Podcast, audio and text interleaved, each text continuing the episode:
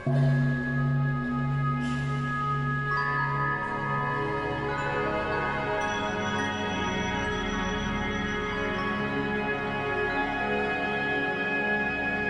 vil jeg gjerne ønske velkommen til denne første episoden av eh, Generasjonsbroen. Jeg heter Lena Ronge, og med meg i studio så har jeg Markus Resch Aanestad. Jeg trodde du hadde lært deg det utenat nå. Du nølte et sekund. Ja, jeg syns det er litt vanskelig med sånn doble etternavn, og verre skal det bli. Ja, det er bare å lære seg. Altså, Datteren din skal få et av navnene mine også, så. Ja, jeg vet det, fordi navnet Generasjonsbroen det indikerer jo at det er en generasjon det skal bygges bro over. Og faktisk, denne episoden her skal handle om den tredje generasjonen det skal bygges bro over. Ja. Fordi i tillegg til å være min eh, svigersønn, Mhm, så eh, skal du også bli pappa for første gang. mhm. Og jeg skal bli bestemor for Woho. første gang. Ganske god alder for det, vil jeg si. Det var på tide. Ja, jeg vet det. Og jeg har jo ikke turt å si så veldig mye om de forventningene jeg har hatt til at eh, kanskje ett av barna mine snart skulle sette i gang. Nei. Men så ble det Tora, da. Mm. Midterste barnet. Ja. Hun er førstemann ut. Hun er så voksen, vet du. Hun er det. Så veldig. fant hun seg en yngre fyr som Ja. var keen på barn, så da ble det jo sånn. Eh, Det syns jeg er veldig, veldig hyggelig. Men med det derre å gå inn i sånne typer roller, så er det jo også så ekstremt mange forventninger som ligger bak. Og Mm. det vi skal prøve å snakke om i dag, det er jo disse forventningene. For hva er det egentlig vi forventer? Og først så tenker jeg liksom For man må jo For det første må man liksom ha noen rollemodeller, og så er det jo sånn at veldig mange av de tingene man sier at sånn skal i hvert fall aldri jeg gjøre når jeg blir mamma, Ja. så gjør man det allikevel, liksom. ja, jeg har begynt å merke det allerede, at jeg er som min far og min mor. Ja, På godt og vondt. Ja ikke sant? Fordi er Tidvis jo veldig klaustrofobisk, og andre ganger utrolig fint. Ja, og, og, og sånn blir det jo også med, med bestemorrollen, da. Mm. Fordi at jeg er jo eh, Jeg føler at jeg er skikkelig verdensmester på det å være forelder. Mhm. Men det kan jo bli litt vel mange gode råd eh, på veien. Og hvordan skal dere stoppe meg i de gode rådene? Og hva er det som er gode råd, og hva er det dere selv må eh, liksom jobbe dere igjennom? Så Mm. disse tingene tenker jeg at eh, det kommer til å fylle en hel eh, episode i dag. Ja, vi får håpe. Jeg eh, har søkt litt rundt, og når man søker på sånn eh, eh, Hva heter det? Grandparent, eh, parent conflict og, og sånne ting, så dukker det opp sinnssykt mye greier. Alt fra veldig populærkulturell eh, vitenskap til mer forskningsbasert. Og det er ikke tvil om at det er mye konflikt rundt dette greiene her. Er det noe som går igjen? Eh, ja, i hvert fall det der med at besteforeldre skal alltid skal belønne barnebarna. Uten innsats og alt dette her. De skal liksom få godteri, og, og det tror jeg på en måte er en ganske sånn vanlig greie. Og så vil foreldrene at ungene de skal jo oppdras og være sunne og så videre, og så kommer de til bestemor og bestefar, og da er det bare sweets and sweets, og så skal man rulle ut når man blir henta. Så er det jo litt sånn eh, Kanskje Jeg må jo snakke for meg selv, da, men? Jeg har jo også vært liksom den strenge som da har sagt nei til godteri og bare på lørdager og alt mulig sånt nå. Du har det, ja? Ja, jeg, jeg, jeg føler at jeg har vært, eh, vært det, altså. I hvert fall eh, i den grad jeg har klart å være det. Men, Ja. men eh, er det ikke litt hyggelig at besteforeldre kan få lov å ha en helt annen rolle, liksom? Må besteforeldre være i, i samme oppdragerrolle? Ja, det er et godt spørsmål. Det, nå, nå satt du meg litt på Hva heter det? Hva er det man sier, da? På plass? På plass, kanskje? Nei, men jeg, jeg, jeg har jo tenkt litt på det. Jeg, jeg gleder meg jo til å se hvordan alle våre foreldre skal reagere på å oppdra denne ungen. Og vi har jo mange, fordi vi har jo skilte foreldre begge to. Men jeg er jo i all hovedsak ganske trygg på at dere kommer til å gjøre det på en fin måte. Men jeg er jo veldig spent på hvilke temaer som kommer til å bli vanskelig jeg, jeg klarer liksom ikke helt å se for meg sånn helt hva Om det skulle blitt noen sånn ordentlig konflikt rundt det. Men jeg tror kanskje, siden dere er så mange, så er det jo mange også som sikkert vil ha tid med denne ungen. Mm. Og det kan jo bli et vanskelig tema. At noen føler seg litt utelatt, og noen får litt mer tid enn andre, osv., osv. Ja, og så kan det være kanskje andre veien også, at dere har noen slags forhåpninger til at vi skal stille opp. Eh, Ja, men det skal dere vel eh, hele tiden og når som helst? Ja, selvfølgelig. Men, Nå, altså, hvis ja, ja, dere er glad i barna deres, så må dere i hvert fall være glad i barnebarna. Ja, selvfølgelig, og vi skal stille opp som bare det. Men, men jeg tenker noen ganger også eh, Vi har jo et liv, vi også, og jeg, i hvert fall jeg, jeg har jo ikke undersøkt sånn som det du har gjort, da, men eh, når jeg leser sånne spalter i aviser og sånn, så er det jo av og til sånn at det er en slags forventning også til at besteforeldre skal stille opp mye mer enn det de kanskje eh, har tid til, eller anledning til, eller lyst til, for den saks skyld. Ja. Og hvordan eh, Ikke sant? Hvor, hvor skuffelser kan liksom komme på begge, hos begge generasjoner, da. Både Mm. hos foreldre og hos besteforeldre, kanskje. At eh, noen kan bli skuffet fordi de ser dem for lite, og noen foreldre kan bli skuffet fordi de føler at de får for lite hjelp, liksom. Mm. Ja. Og vi vet jo ikke hvordan det blir hos oss, selvfølgelig. Altså jeg tenker jeg er liksom vokst opp i en ganske sånn, hva skal jeg si, problematisk familie eh, Problematisk familie, hvor det å bli mamma var på en måte et sånt veldig førstegangsprosjekt hvor jeg egentlig ikke hadde noen å spørre til råds. Nei.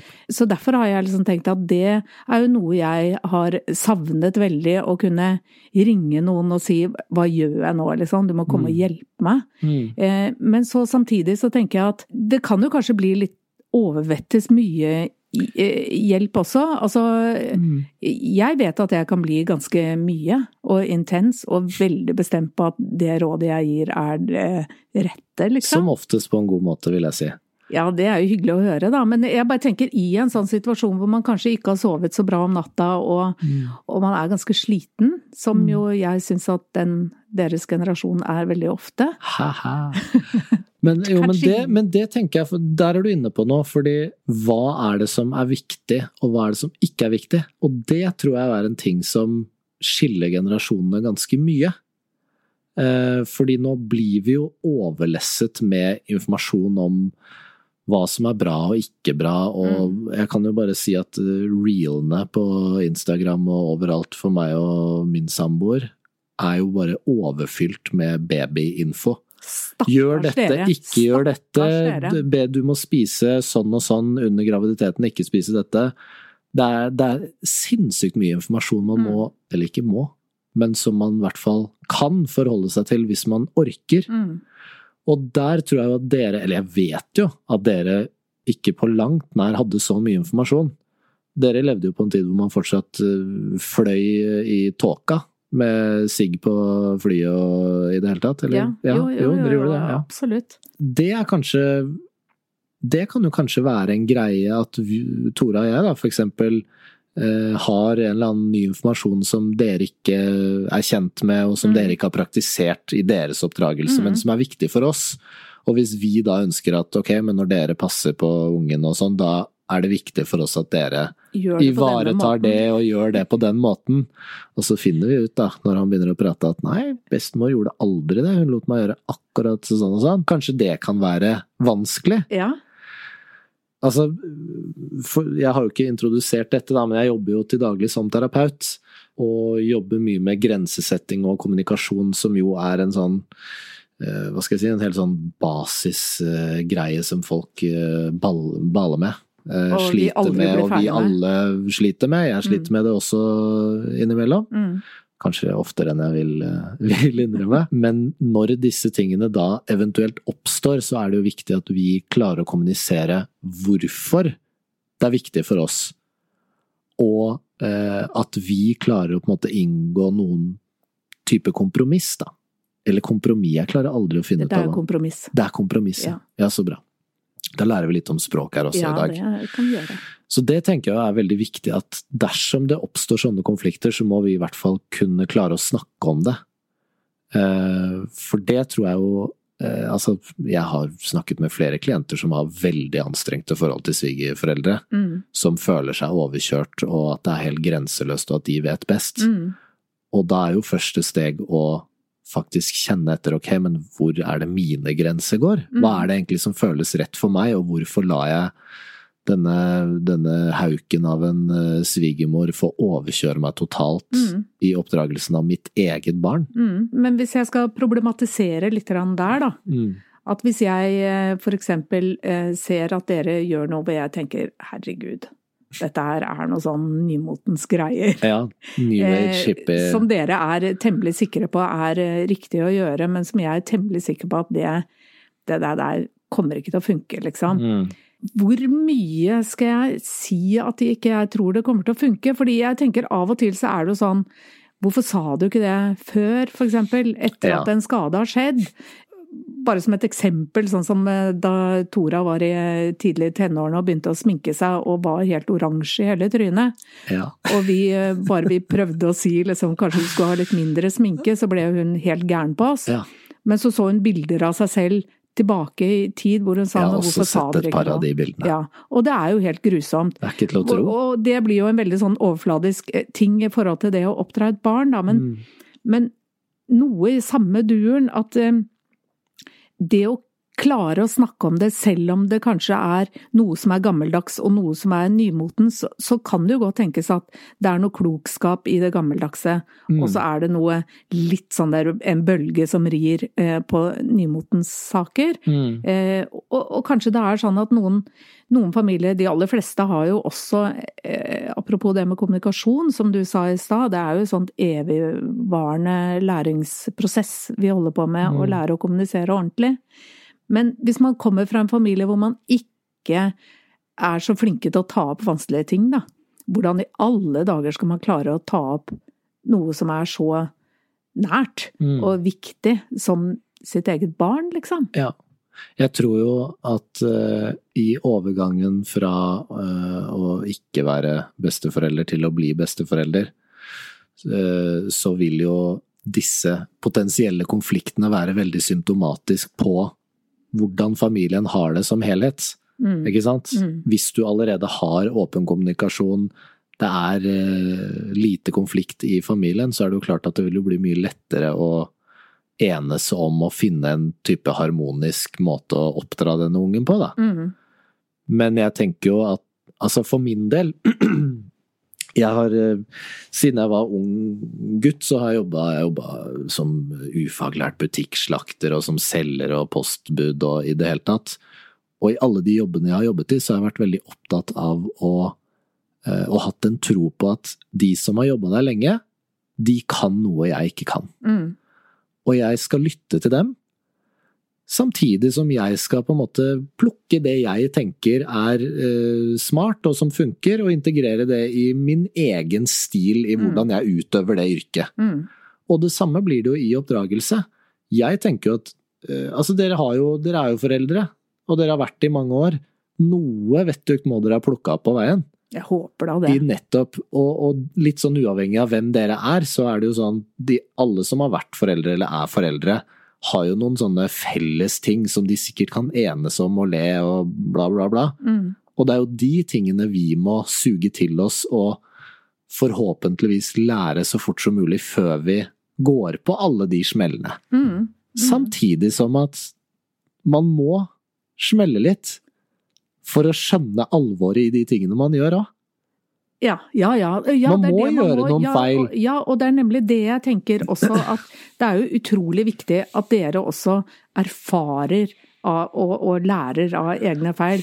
Så Mm. vi kan jo ikke gå rundt og, og holde på med sånn curlinggreier og koste foran dere for at dere ikke skal gå i noen feller. For det, det er jo gjennom det Mm. man egentlig blir ålreite mennesker også. Ja, ja. Vi må jo prøve å feile.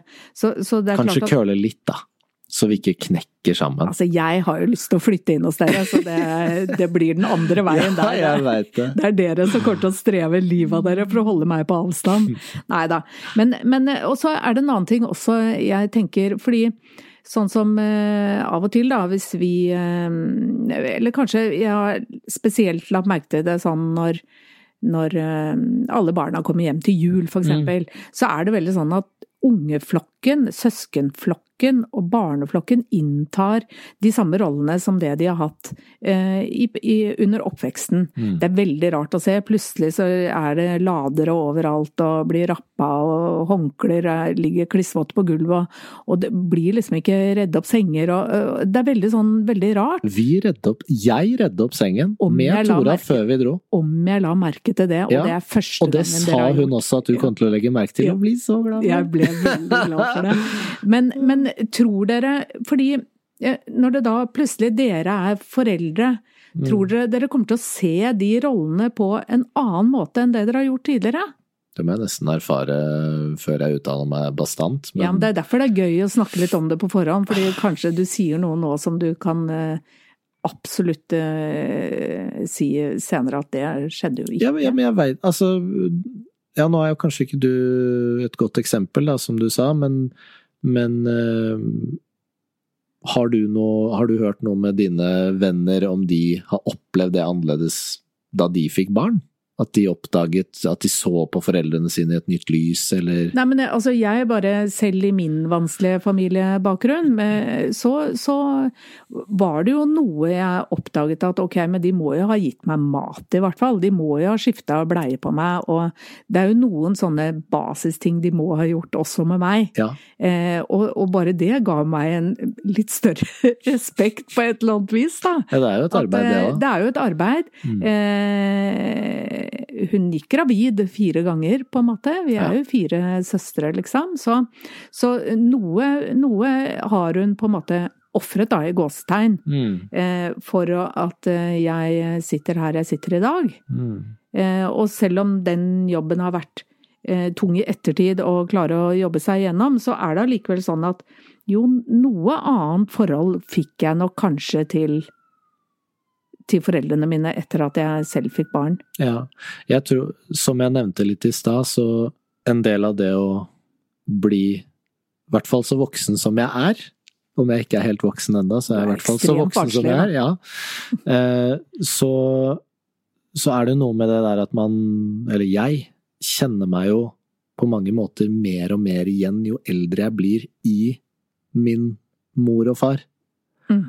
På godt og vondt. Mm. Og der tror jeg jo at når jeg nå skal få et barn, en sønn, eh, og jeg skal representere en mannsrolle, jeg skal eh, være tålmodig, men jeg skal også på en måte være konsekvent og sette grenser og gjøre alle de tingene. Jobbe, forsyne, altså være en god partner. Så mange ting. Jeg legger jo bare legger jo til en ganske heftig dimensjon i et liv som tydeligvis oppleves ganske hardt fra før, Mm. så vil jeg jo sikkert kjenne igjen foreldrene mine i meg selv enda mer Mm. i måten jeg er med lillegutt. Mm. Og det er jeg veldig spent på hvordan jeg kommer til å håndtere. Ja, det er veldig, eh, det er veldig rart. Og så tenker jeg også at hvis man har ting som man tenker at det vil jeg i hvert fall ikke føre videre, for eksempel, da. Mm. så er det jo eh, så leste jeg det er mange mange år siden, så leste jeg, eller om det var en psykolog som sa til meg at for å, for å på en måte lære seg eh, en ny måte å håndtere vanskelige situasjoner på, Mm. eksempel når du får barn, så må du faktisk aktivt lære deg den andre måten. fordi hvis ikke så vil du veldig fort reagere med det du har lært, da. Mm. At det blir en slags sånn ryggmargsrefleks når du er stressa og sliten og trøtt og alt går på tverke, liksom, og ungen hyler. Mm. Og det å lære seg noe helt nytt er jo øh, Det er jo vanskelig, det òg. Ja. Utfordrende. Absolutt. Men det går jo. Det går, og, men altså, jo eldre man blir, jo mindre plastisk er hjernen, og jo, jo flere ganger har du gått opp de stiene eh, eller de nervebanene og laget motorvei, ikke sant. Ja. Så det er, det er jo det som du sier, at uh, når man skal lære seg en ny ting, så er det, det er upløyd mark. Mm. Og da er det tyngre å gå. Da må du vasse rundt, da.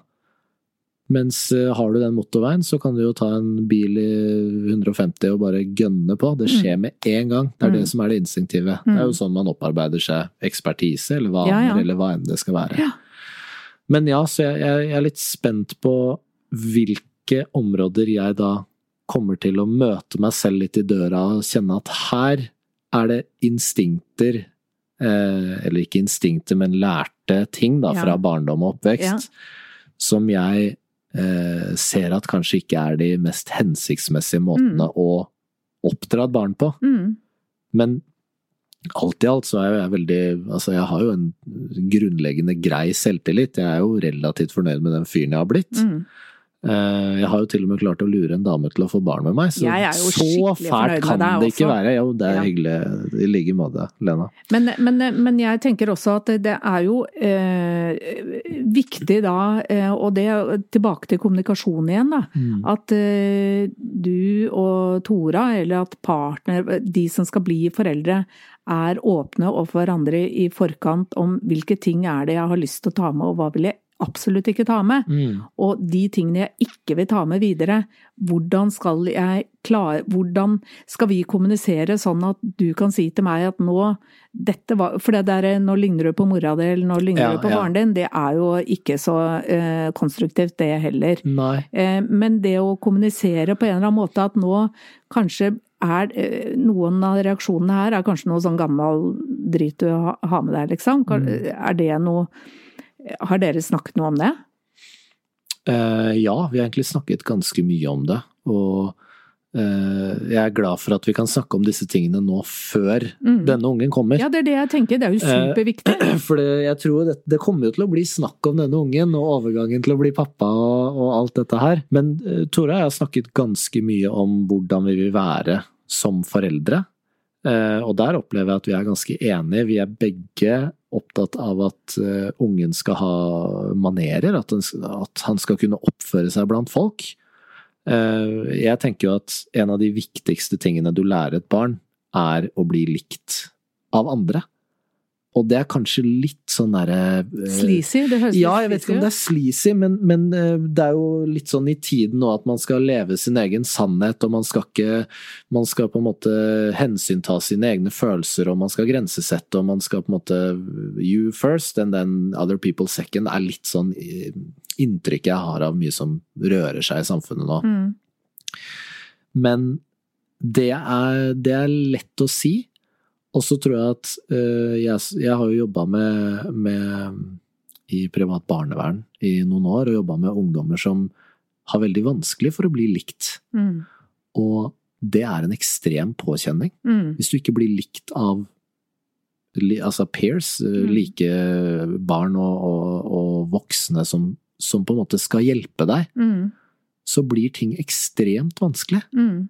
Og istedenfor da å, å finne måter å, å manøvrere seg rundt på som er hensiktsmessige, som gjør at du klarer skole, at du klarer å ta vare på kroppen din, at du klarer å ta vare på psyken din, så ender man opp i sånne dårlige mønstre, og Mm. man utagerer, og man, fordi man vet ikke hva man skal gjøre. Mm. Og det blir ofte sånne destruktive måter å få oppmerksomhet på. Mm. Fordi man ikke klarer å få den ved å gjøre de gode tingene. For man har ikke lært seg å bli likt. Nei, men, men jeg tenker å lære seg å bli likt, det er jo en utrolig eh, Det høres veldig enkelt ut, men det er en ganske sånn komplisert manøver, det også. For Jo, men det, men det, det handler eksempel om, da eh, At du skal sitte ved bordet når det er middag. mm, Og at det skal Det er ikke greit at du, i hvert fall når du blir eldre, da, at du slenger rundt deg med maten eller skriker høyt og snakker i munnen på folk. At du skal kunne Du skal også kunne være et, et eh, eh, relativt harmonisk vesen sammen med voksne også. mm, At det er ikke alltid på barnets premisser allting gjelder. Og det har jeg også fått litt Altså for alle disse spaltene du snakker om, ikke sant? mm, Jeg tror at deres generasjon eh, hadde Altså på mange måter var det strengere enn det er nå.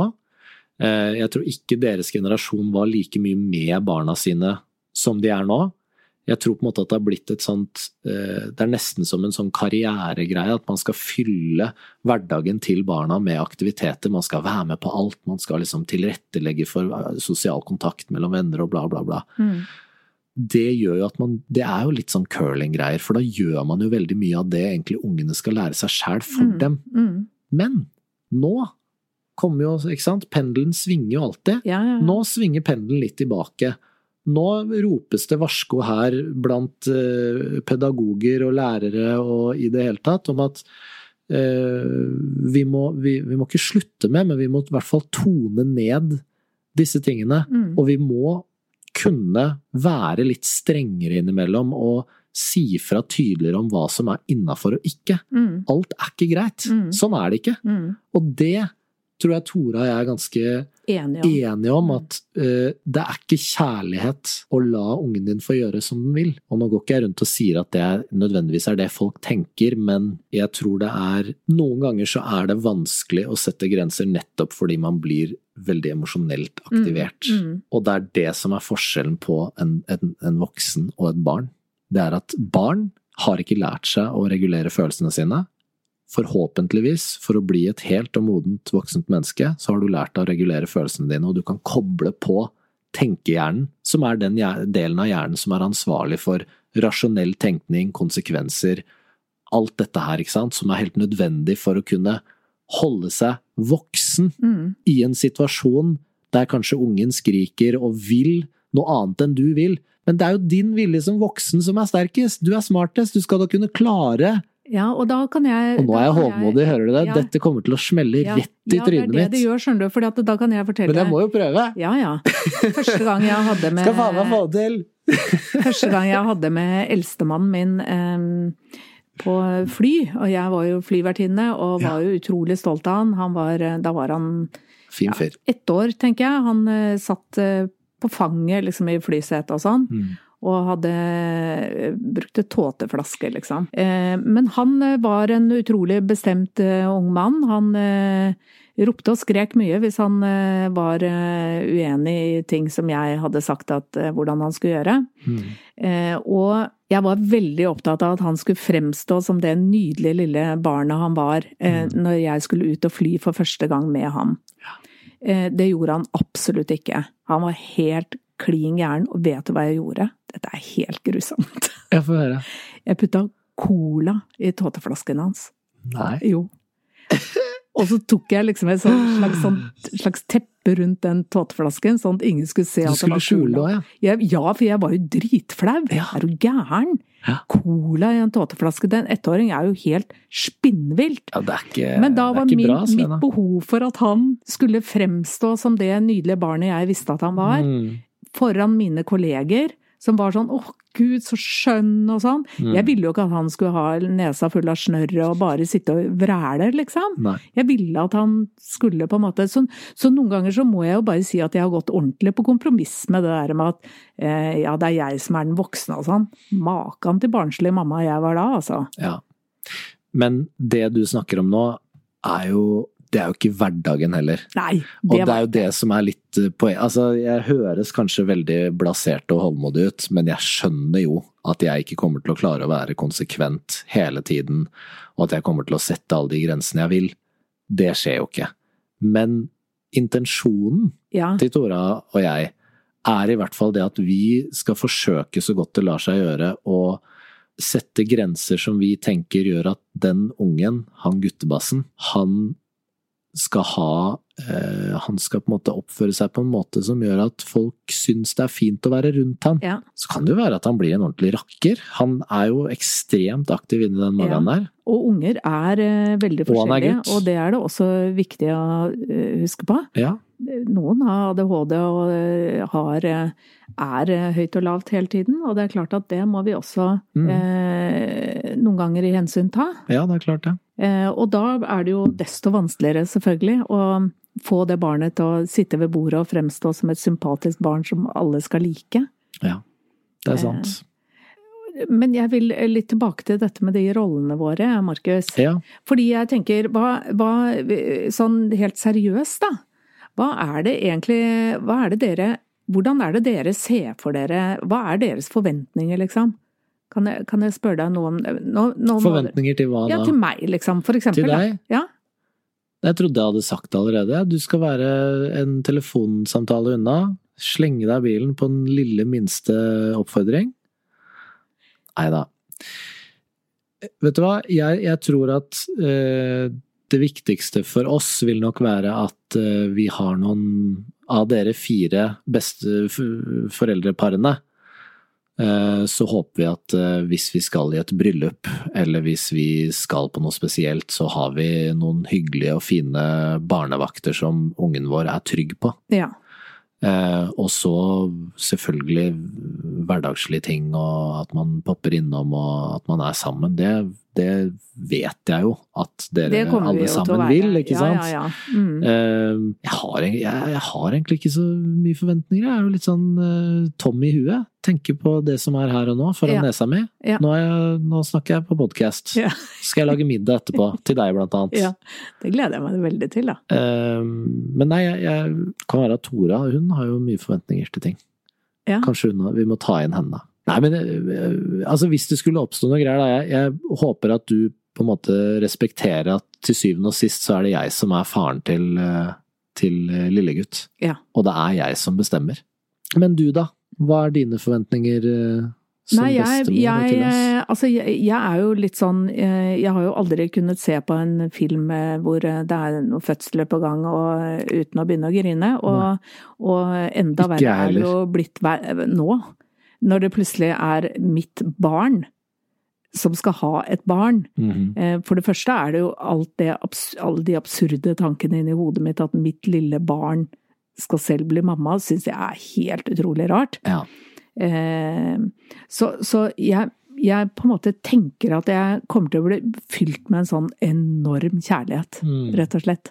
Eh, Og jeg kommer helt sikkert til å bli bare dødsforelska. Uansett hvordan det barnet er. Mm. Også hvis det barnet er eh, helt klin kokos, liksom. Eh, Så tror jeg at eh, det, det kommer nok til å være et barn som i hvert fall kommer til å møte mye kjærlighet i livet sitt. Mm. Det er jeg veldig trygg på. Ja, det tror jeg. Men jeg er veldig spent også, faktisk. Jeg er veldig spent på fordi at jeg da Jeg vokste opp helt uten besteforeldre. Altså jeg har ikke hatt noen besteforeldre i mitt liv, så jeg vet ikke hva er egentlig en besteforelder. Og så har jeg sånn som Knut, som, som var ekstremt knyttet til sin mormor spesielt. Ja, jeg har også Han er død nå, da, men Ja. eh, jeg var veldig knyttet til bestefar og min eh, levende bestemor. Ja, og det er klart at da har man jo noe liksom å strekke seg etter også, og tenke at åh, Mm. og, og det skulle jeg kanskje ønske at jeg hadde, da. Ja. Men så har jeg liksom tenkt at men jeg hadde jo ikke det når det gjaldt en mamma heller, og jeg har klart å være en ok mamma, tror jeg, da. ja, det har du. Eh, sånn at eh, da kommer jeg sikkert til å klare å være en, eh, en bra bestemor også. Og så er, vet vi jo at det er jo kjærlighet først og fremst som er det alle trenger. Mm. Altså før grenser og før alt mulig, så er det faktisk kjærlighet vi Mm. trenger alle mann. Mm. Og bli sett, liksom. Apropos det. Det er noe som heter Ferber-metoden eller noe sånt, som handler om at man skal la, når man skal vende unger til å sove aleine, så skal man la dem gråte. Det er det litt sånn eh, De lærde strides nå. Det er en fyr som heter Gabor Mate, som er psykiater eh, eh, ungarsk opprinnelig, men eh, har bodd i Amerika. Og han mener at det er, eh, det er å påføre et barn traumer. Det er omsorgssvikt å la dem gråte på den måten. Alt et barn trenger når de er så små, det er bare å være inntil og kjæles med. Og Ja. Det er ikke noe som heter for mye kjærlighet for et spedbarn. Nei, det tror jeg på. Altså, vi er vel kanskje Det er litt sånn eh, Jeg eh, brukte den gråtemetoden på å vende av med amming, for eksempel, på natten. Ja, Og det var helt grusomt, og ja, jeg men da bikkje. Da vet jeg hvorfor hvorfor ting er som de er med Nei, akkurat det må jeg si at det var ikke noe Det var ikke noe kult. Nei. Jeg trengte ikke det med Tora, da, for hun var så rolig på natta at hun vendte seg av med pupp og smokk og alt mulig selv, hun. Ja. Det var bare sånn ja, men hun er jo flink Nå er jeg ferdig med det. Hun er flink dame. Så, Ja. Så, men de gutta mine, de var litt mer eh, tøffe der. Puppegale. Ja. Jeg lurer på om vi skal eh, avslutte, Markus? Ja, hvis du sier det så. Det er du som er sjefen. Jeg er jo sjefen eh, her Ja, i dette studioet. I hvert fall eldst. Ja, Det er det ingen tvil om. ja. Men eh, jeg tenker at vi kommer til å komme tilbake til dette med både papparollen og bestemorrollen eh, Mm. flere ganger. Og vi kommer vel også kanskje til å snakke litt om, eh, om barneoppdragelse senere også. Jeg I. I episoder vi skal ha videre. Jeg håper vi kan ta opp litt sånne ferske, aktu dagsaktuelle Ja. problemstillinger. Ja, Og finne ut av dem sammen. Og så kan vi jo kanskje få noen tips fra folk der ute på et eller annet tidspunkt. yes. Mm. Ok. Ha det bra. Shalabais, tull du. På gjensyn og farvel.